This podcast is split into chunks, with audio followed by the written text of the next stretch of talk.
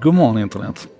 Idag tänkte jag vi skulle prata om ett projekt som IBM kickade igång, eller ett program som de kickade igång 2015 och som de nu har släppt en stor rapport om. Eh, men jag tänkte faktiskt börja med att berätta om min pappa. Jag vet inte om jag har nämnt honom tidigare här nu, frid över hans minne, han har varit borta i många år. Men en historia han berättade som gjorde jättestort intryck på mig, det var om eh, hur han hade det i skolan. För det var nämligen så att min pappa var vänsterhänt. Han var född 1944 och när han kom till skolan som vänsterhänt så fick han order om att skriva med höger hand istället. Och det här kom att, och prägla hela hans skolgång tror jag. Han hade svårt att, att skriva för att all hans kraft gick åt till att hantera motoriken runt skrivandet. Han kunde inte göra det man kallar för Eh, ska vi se så jag säger rätt, jag tror det heter automatisera. Alltså när du, när du inte behöver tänka på själva skrivandet utan du kan fokusera på innehållet och så gör handen jobbet. Ungefär som när du har lärt dig att köra bil ordentligt. Och sådär. Han kom aldrig dit egentligen. Um, och, och, jag tycker att vi ser en parallell i väldigt många sammanhang idag när vi kan, eh, vi kan ha en, en ung människa som kommer till arbetsplatsen för första gången och som kanske har levt hela sitt liv från, från de första månadernas levnad med en, en iPhone eller en Apple-enhet i handen och så kommer man till en arbetsplats där man får reda på att eh, här eh, jobbar vi minsann med PC och så får man, får man bara anpassa sig till det. Jag tror att det är ungefär lika handikappande som att ha skrivit med vänster hand hela sitt liv och sen bli tvingad att skriva med höger. Um, och, och, det är det här som IBM då tog tag i. 2015 så kickade man igång ett jättearbete där man helt enkelt sa så att det är, det är inte rimligt att vi ska bestämma vilket arbetsredskap folk vill använda.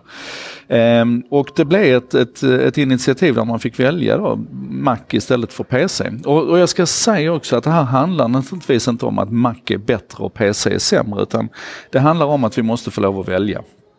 Och jag tror de, de säger det så fint här att vi kan liksom inte acceptera, det sa man när man kickade igång det här projektet, vi kan inte acceptera att, att våra, våra anställda lever som familjen Jetson på, i, där hemma och som familjen Flinta på, på jobb.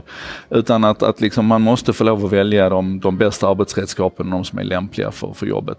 I alla fall, man kickade igång det här 2015, man, man rullade ut typ, ska vi se här, eh, mm, mm, mm 1900 mackar i veckan till, eh, med hjälp av 24 eh, medarbetare bara på helpdesken. Nu idag så är man nere på eh, sju ingenjörer eller sju medarbetare på helpdesken som tar hand om de 200 000 mackar man har idag. Så att mer än hälften av, av IBMs personal har alltså valt att gå över till, till Mac istället.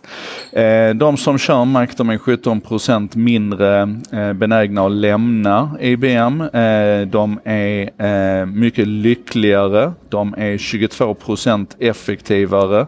Alltså de överskrider sina förväntade mål med 22% De säljer 16% mer. Alltså så här på alla punkter, framförallt på liksom supportbehov och, och allmän lycka så känns det som att det här slår i taket. Och det här, det här gör mig eh, lycklig för det är väldigt svart på vitt och det är klart att det kan finnas delar i den här rapporten som man kan behöva analysera djupare och sådär. Men rent generellt så kan vi väl hålla med om allihopa att det känns jäkligt logiskt att man, att man ska få lov att jobba med det arbetsredskapet man är van vid.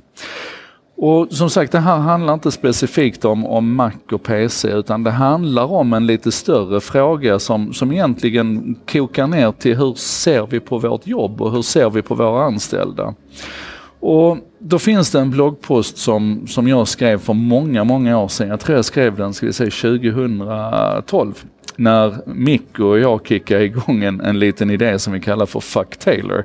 Och det handlade helt enkelt om att utmana Taylorismen. Det här med att, att liksom jobbet är en väldigt separat del ifrån resten av ditt liv där allting kan liksom mätas och vägas och det ska vara stämpelklocka och det ska vara maximalt. Alltså egentligen så att du upphör att vara en människa när du går till din arbetsplats och istället så blir du ett redskap.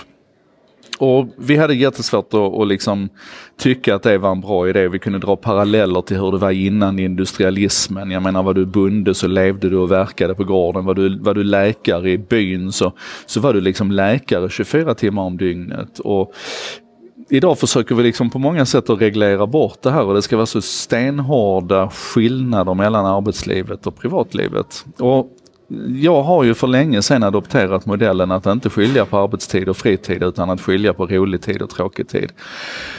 Och det är så jäkla skönt att, att, ha det förhållningssättet. Och nu vet jag att, att man får tillbaka varje gång man säger det. Att det är ju lätt för mig att säga det är svårt för andra och, och beroende på liksom hur man arbetar och hur livet ser ut i stort. Och absolut, det här, det här funkar säkert inte för alla. Men jag tror ändå att det finns ett mindset i detta som man kan försöka ta till sig. Um, men det viktigaste egentligen det är att det ska handla om valfrihet. Det ska handla om valfrihet i, i hur, du vill, hur du vill betrakta ditt arbete. Det ska inte finnas något stigma i att älska sitt jobb.